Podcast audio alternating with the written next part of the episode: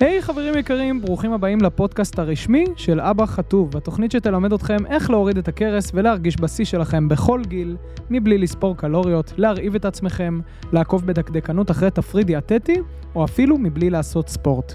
את אתגר אבא חטוב עברו נכון להיום מעל 15 אלף גברים בישראל, שהצליחו להחזיר לעצמם את הבריאות והאנרגיה והביטחון העצמי שבאמת מגיע להם. המטרה של הפודקאסט הזה הוא להקנות לכם את הכלים, ההבנה, הידע והמוטיבציה כדי באמת לרד במשקל פעם אחת ולתמיד. אני צביקה עינב, מייסד אתגר אבא חטוב, 32 קילו פחות והמנחה שלכם, והיום יש לי אורח מיוחד, פז מרקשטיין, חבר יקר, לפטיני מהולל, והמנהל המקצועי של חברת אבא חטוב. היום אנחנו הולכים לדבר עם פז על הדרך הלפטינית לטבעונים וצמחונים. בואו נתחיל. אוקיי, חברים יקרים, איזה כיף שהיום אנחנו מארחים את פז מרקשטיין. פז, שלום. שלום, כיף להיות פה. לגמרי.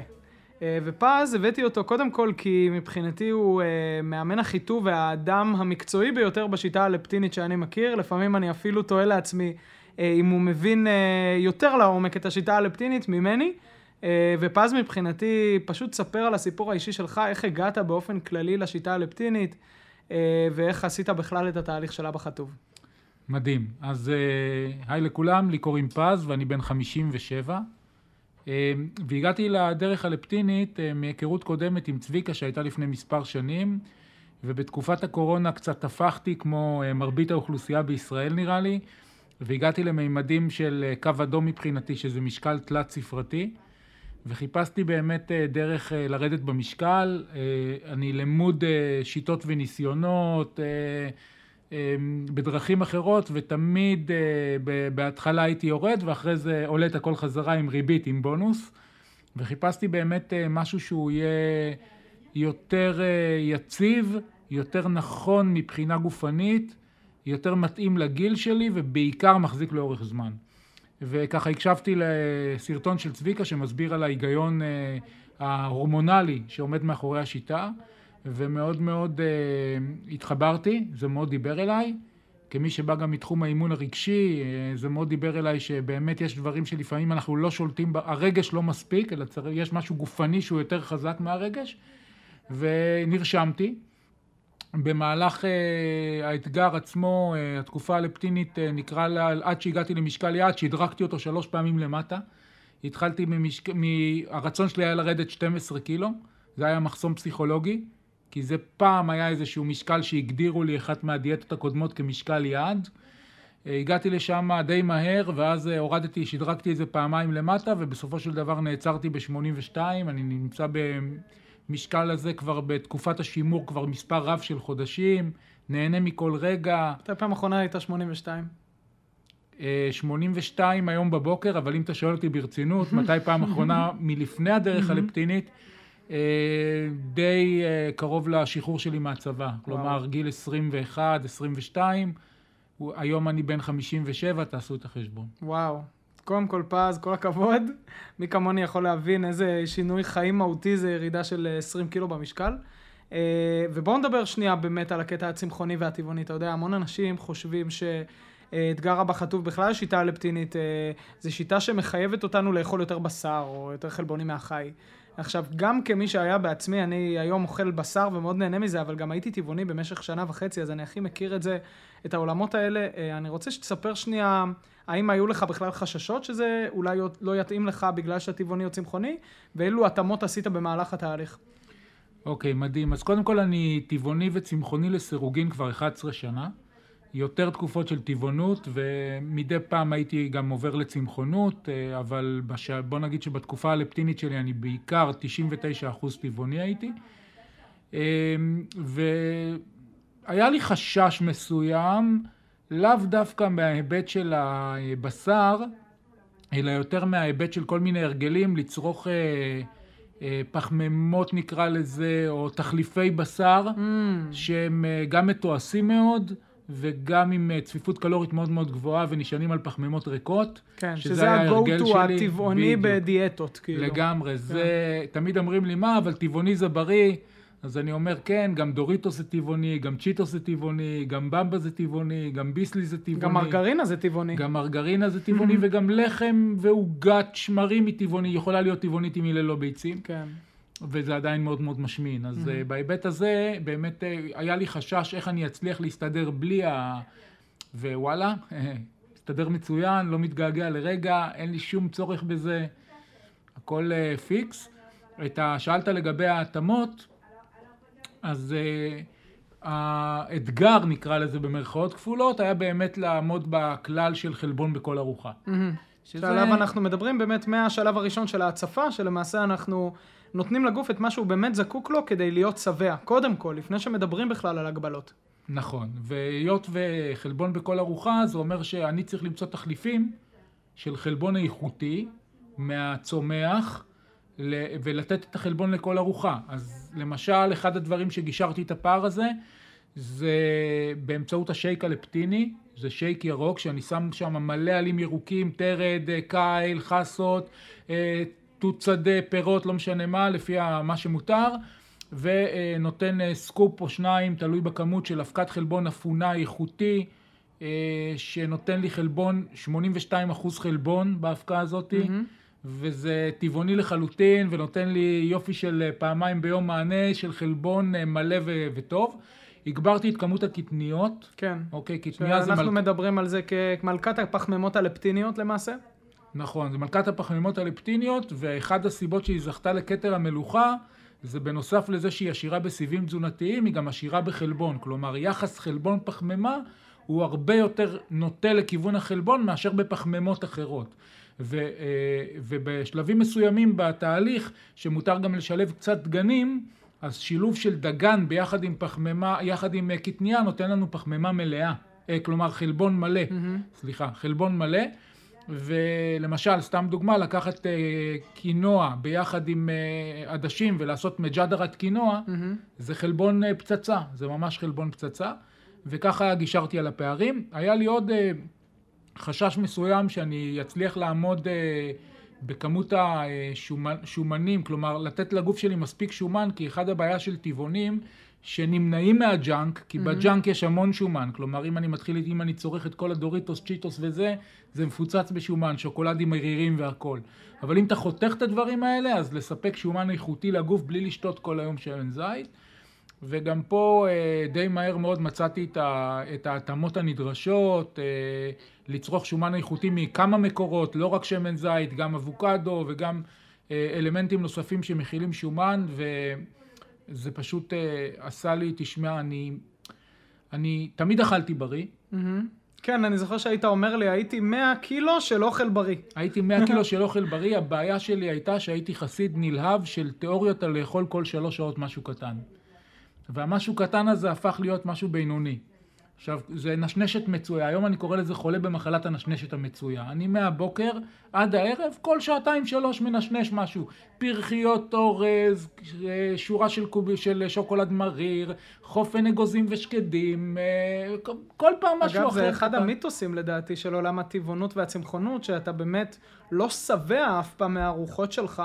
אז אתה כל הזמן צריך לתדלק את עצמך בעוד ועוד אוכל. כאילו זה אחד החסמים של אנשים שרוצים לנסות טבעונות וצמחונות. ושוב, אנחנו, חייב להגיד שאין לי אג'נדה. לא שאנשים יפסיקו לאכול בשר, ולא שאנשים יתחילו לאכול בשר. אה, האג'נדה שלי זה אך ורק בריאות, וכל אחד שמה שמתאים לו. אבל uh, האם אתה היום מצליח uh, לעשות על רוחות לפטיניות גדולות ומשביעות, שמשביעות אותך יותר מ-4-5 שעות? אז... אני קורא לזה אחד מה... נקרא לזה רגעי הקסם, כן? שאני מסתכל ככה, איזה רגעי קסם היו לי בתוכנית. אני זוכר שבאמצע התהליך פחות או יותר, פתאום מצאתי את עצמי עומד ואומר, רגע, השעה עכשיו 12, ועוד לא אכלתי כלום מאתמול. עכשיו, אני בן אדם שקם מוקדם, ואצלי ארוחת בוקר היא, היא מרכיב חשוב בתפריט. אני מסיים לאכול מוקדם, אבל אני גם מתחיל מוקדם.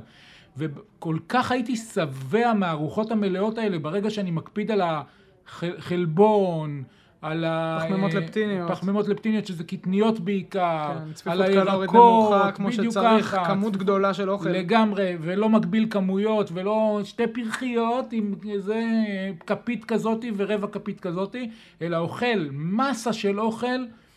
תשמע, עם המים לפני זה פשוט החזיק אותי, ואני היום, נכון להיום, שאני כבר במסלול השימור, ואני יכול להרשות לעצמי במרכאות להתפרע, אז אני אה, יכול להגיד לך שאני אוכל אה, בבוקר, אה, שותה שייק לפטיני, ואחר כך עוד ארוחה אחת גדולה, וזהו, ולא וואו. מרגיש צורך ליותר מזה. וואו. אולי איזה שורת שוקולד באמצע, כאילו, בשביל המתוק, אבל מעבר לזה שום דבר. תשמע, זה פשוט מדהים אותי, כי אני זוכר שדיברנו על זה עכשיו, בארוחת צהריים, שאתה אומר לי, אתה ממש חי, כאילו, לא כנזיר, כי אתה לא מתנזר משום דבר, אבל אתה לא רעב בערב, ואתה למעשה מסיים את ארוחת הצהריים האחרונה שלך באחת. אני מצאתי את עצמי באמת אה, לאט לאט איכשהו מוריד את חלון, את הזמני האכילה שלי, כן. וכיום בשגרה, בוא נגיד חמישה, שישה ימים בשבוע, חוץ משישי שאני אוכל עם המשפחה, וזה יותר מאוחר מן הסתם, אבל נגיד אם אין אירועים מיוחדים או מסעדות או זה, רוב יומות השבוע באופן בסיסי, פשוט ככה זה הצורך שלי. כן. זה לא... אני בסביבות 12-1 אוכל ארוחת צהריים מלאה, אחרי שבבוקר שתיתי שייק לפטיני עם אה, מאושר בחלבון, כמו שהסברתי קודם, וזה פשוט, אין לי שום צורך לאכול, אני לא רעב, מקסימום שותה כוס תה אחר כך. לא רעב, לא כלום, עד למחרת בבוקר לא מרגיש שום צורך, וואו. הולך לישון קל, אין, אני פשוט, לא, זה, זה- משפיע על איכות השינה בצורה מטורפת. אני לא כמוך, לא מסוגל לעשות את זה. אני גם הולך לישון קצת יותר מאוחר, אבל uh, היא בימים שאני מסיים ב-6-7 לאכול, ולא ב-9, 10, 11, 12, האיכות שינה משתפרת בצורה מטורפת. חד משמעית. וזה שאתה אומר את זה, זה כאילו תוקף מיתוס כל כך חזק באמת של אנשים שלא אוכלים בשר, שבאמת, איך אני יכול להיות שבע מארוחות לאורך זמן? אה, אז זה קורה, וחשוב לי לציין גם שאנחנו, גם בשום שלב בתוכנית שלנו לא נמצאים במקום שבו אנחנו אומרים, אתה חייב להפסיק לאכול בשעה X ו-Y. כלומר, אתה, הגוף שלך יותר נכון, דרש את זה באיזשהו שלב, כי הקלילות הזאת פשוט זה משהו שאתה רוצה להמשיך אותו. זה גם מותאם לסגנון החיים שלי, מן כן. הסתם. בגלל שאני קם מאוד? מאוד מוקדם בבוקר, ועושה אימון בבוקר, אז אני מרגיש כן את הצורך לאכול מוקדם יחסית בבוקר, ואני גם הולך לישון יותר מוקדם בערב, אז אני פשוט לא... אני לא יכול להכניס עוד ארוחה, זאת אומרת, כן. זה סתם כאילו לדחוף עכשיו משהו כי צריך, ולא. כן. אני אכלתי לפי שעון הרבה מאוד שנים, הפסקתי לאכול לפי שעון, היום אני אוכל לפי הקשבה. וואלה. אני מקשיב לתחושות הרעב והשובע שלי, ואני, מהרגע שאני מאוזן לפטינית, אז אה, אני נותן מה שנקרא מקום של כבוד לאיתותי הרעב והשובע, והגוף שלנו יודע הכי טוב מה הוא צריך. מעולה. ואני גם רוצה שנדבר איזה דקה-שתיים על נושא השחרור הלפטיני שלך. כי אני, אני מדבר הרבה על, אה, על השלבים, שלבי האבולוציה של השיטה הלפטינית. מתחילים באמת מההבנה הרציונלית, הצפה, ניקוי, אה, ואז בסופו של דבר מגיעים למצב של שחרור לפטיני. זה המצב הרצוי.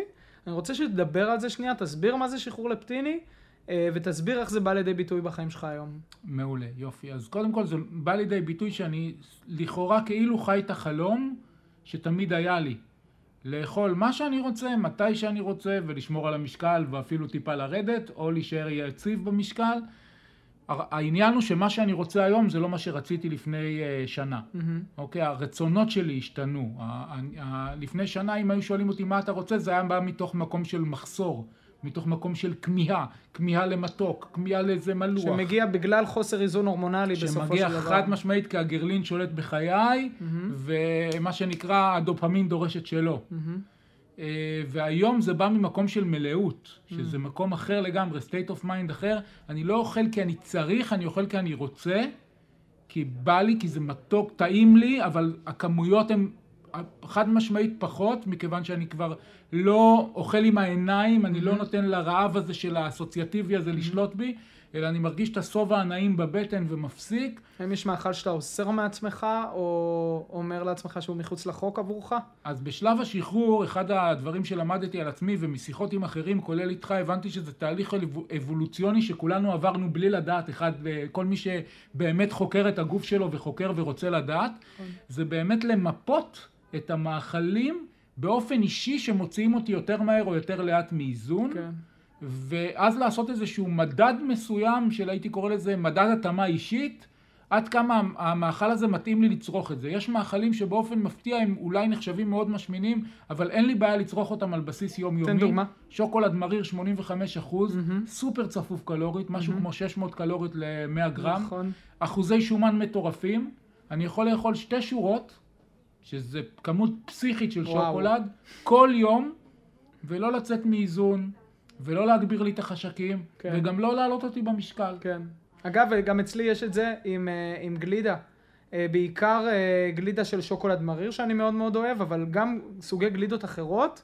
אני יכול להגיד שלמרות שהיא מאוד שמנה, ובסופו של דבר היא שמנת והכול, מבחינתי אין שום בעיה. כאילו, אני יכול לשלב את זה שלוש, ארבע, חמש פעמים אפילו בשבוע, ולא לעלות במשקל ולא לעלות אה, בחשקים וברעב, בעוד שנגיד עוגיות ועוגות, זה משהו שהוא כן יוציא אותי מאיזון, ואני כן אוכל את זה, אבל במקרים מיוחדים, לא על בסיס יומיומי. אז זהו, אז, אה, אז אה, למשל שוקולד מריר, זה באמת כמות שאני אוכל, אני אוכל על בסיס יומי שתי שורות שוקולד מריר. זאת אומרת, זה, אמרתי לך, זה ארוחת כן. כן. בוקר, ארוחת צהריים, ונשנו של בין שורה לשתיים של שוקולד, זה פחות או יותר התזונה שלי.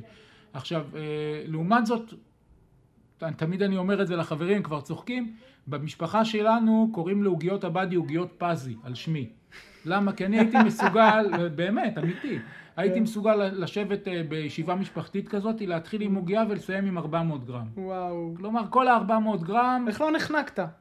זה כמו שלא נחנקת אתה מכריות נוגט. אה, כריות נוגת, זה הנמסיס שלי. יפה, אז זה הנמסי שלי, זה פשוט, אה, אה, לא יודע, זה ככה זה היה.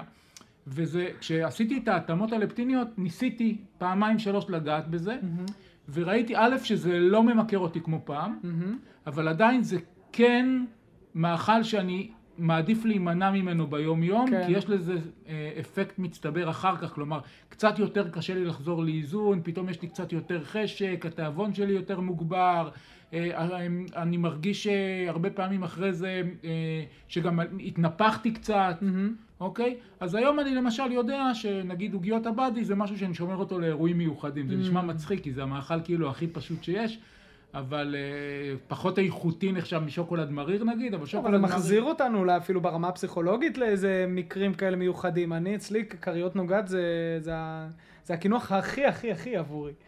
אה, יותר מכל אה, עוגה מטורפת או משהו כזה, כן? כן, נכון. זה פסיכולוגי לגמרי. מהמם. פז, לסיום, אה, טיפ אחד קטן שאדם שאו שנמצא במהלך התהליך ושומע אותנו, או שחושב על לעשות את התהליך הזה ולא בטוח שהוא מתאים עבורו, מה היית אומר לזה ומה היית אומר לזה? אז הייתי אומר שאחד הדברים המדהימים בדרך הלפטינית, שהיא מתאימה כמו כפפה ליד לכל סגנונות האכילה המועדפים. יש אנשים שהם נמנעים מאכילה שמהצומח והחי, מהחי כמוני, יש אנשים שהם מעדיפים הרבה בשר ודגים, באמת באמת שאפשר למצוא את ההתאמות, לא לחשוש, ללכת על זה, זה ממש משנה חיים התהליך הזה. ואפשר תמיד לעשות התאמות, כלומר לקחת כל מתכון, ש... אחרי שרוכשים קצת הבנה על איך הדבר הזה עובד, אפשר לקחת כל מתכון ולהפוך אותו מגרליני ללפטיני. ללפטן כלומר, אותו, כן. ללפטן את המתכון מהמילה להפוך אותו ללפטיני. אפשר לעשות את זה, יש בחברת אבא חטוב יש יועצים שגם עוזרים לעשות את זה, כך שאם בן אדם בתחילת הדרך מתקשה, מקבל תמיכה ועזרה, ואפשר לקחת ולאכול כמעט כל דבר, אה, ב- ב- ולהפוך אותו ללפטיני יותר, אה, ולרדת בכיף, זה ממש כן. לרדת בכיף, בלי לצמצם כמויות, בלי לספור קלוריות, בלי לספור נקודות, בלי אה, איסורים. ספירת נקודות, זה נקודה כואבת נראה לי וואי. וואי וואי וואי. אני הייתי חבר כבוד במועדון סופרי הנקודות, וברגע שהפסקתי לספור נקודות, התחלתי לעלות במשקל לא, לא, לא, חזרה. כן.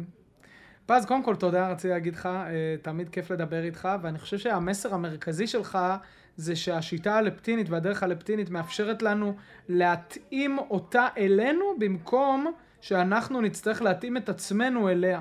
אה, וזה אחד מהדברים שלדעתי אה, גורמים לשיטה הלפטינית באמת להיות אה, כל כך חזקה ולאתגר אבא חטוב, מה שנקרא להיות עם שם טוב ולשאת אותו לאט לאט לאלפי הגברים בישראל.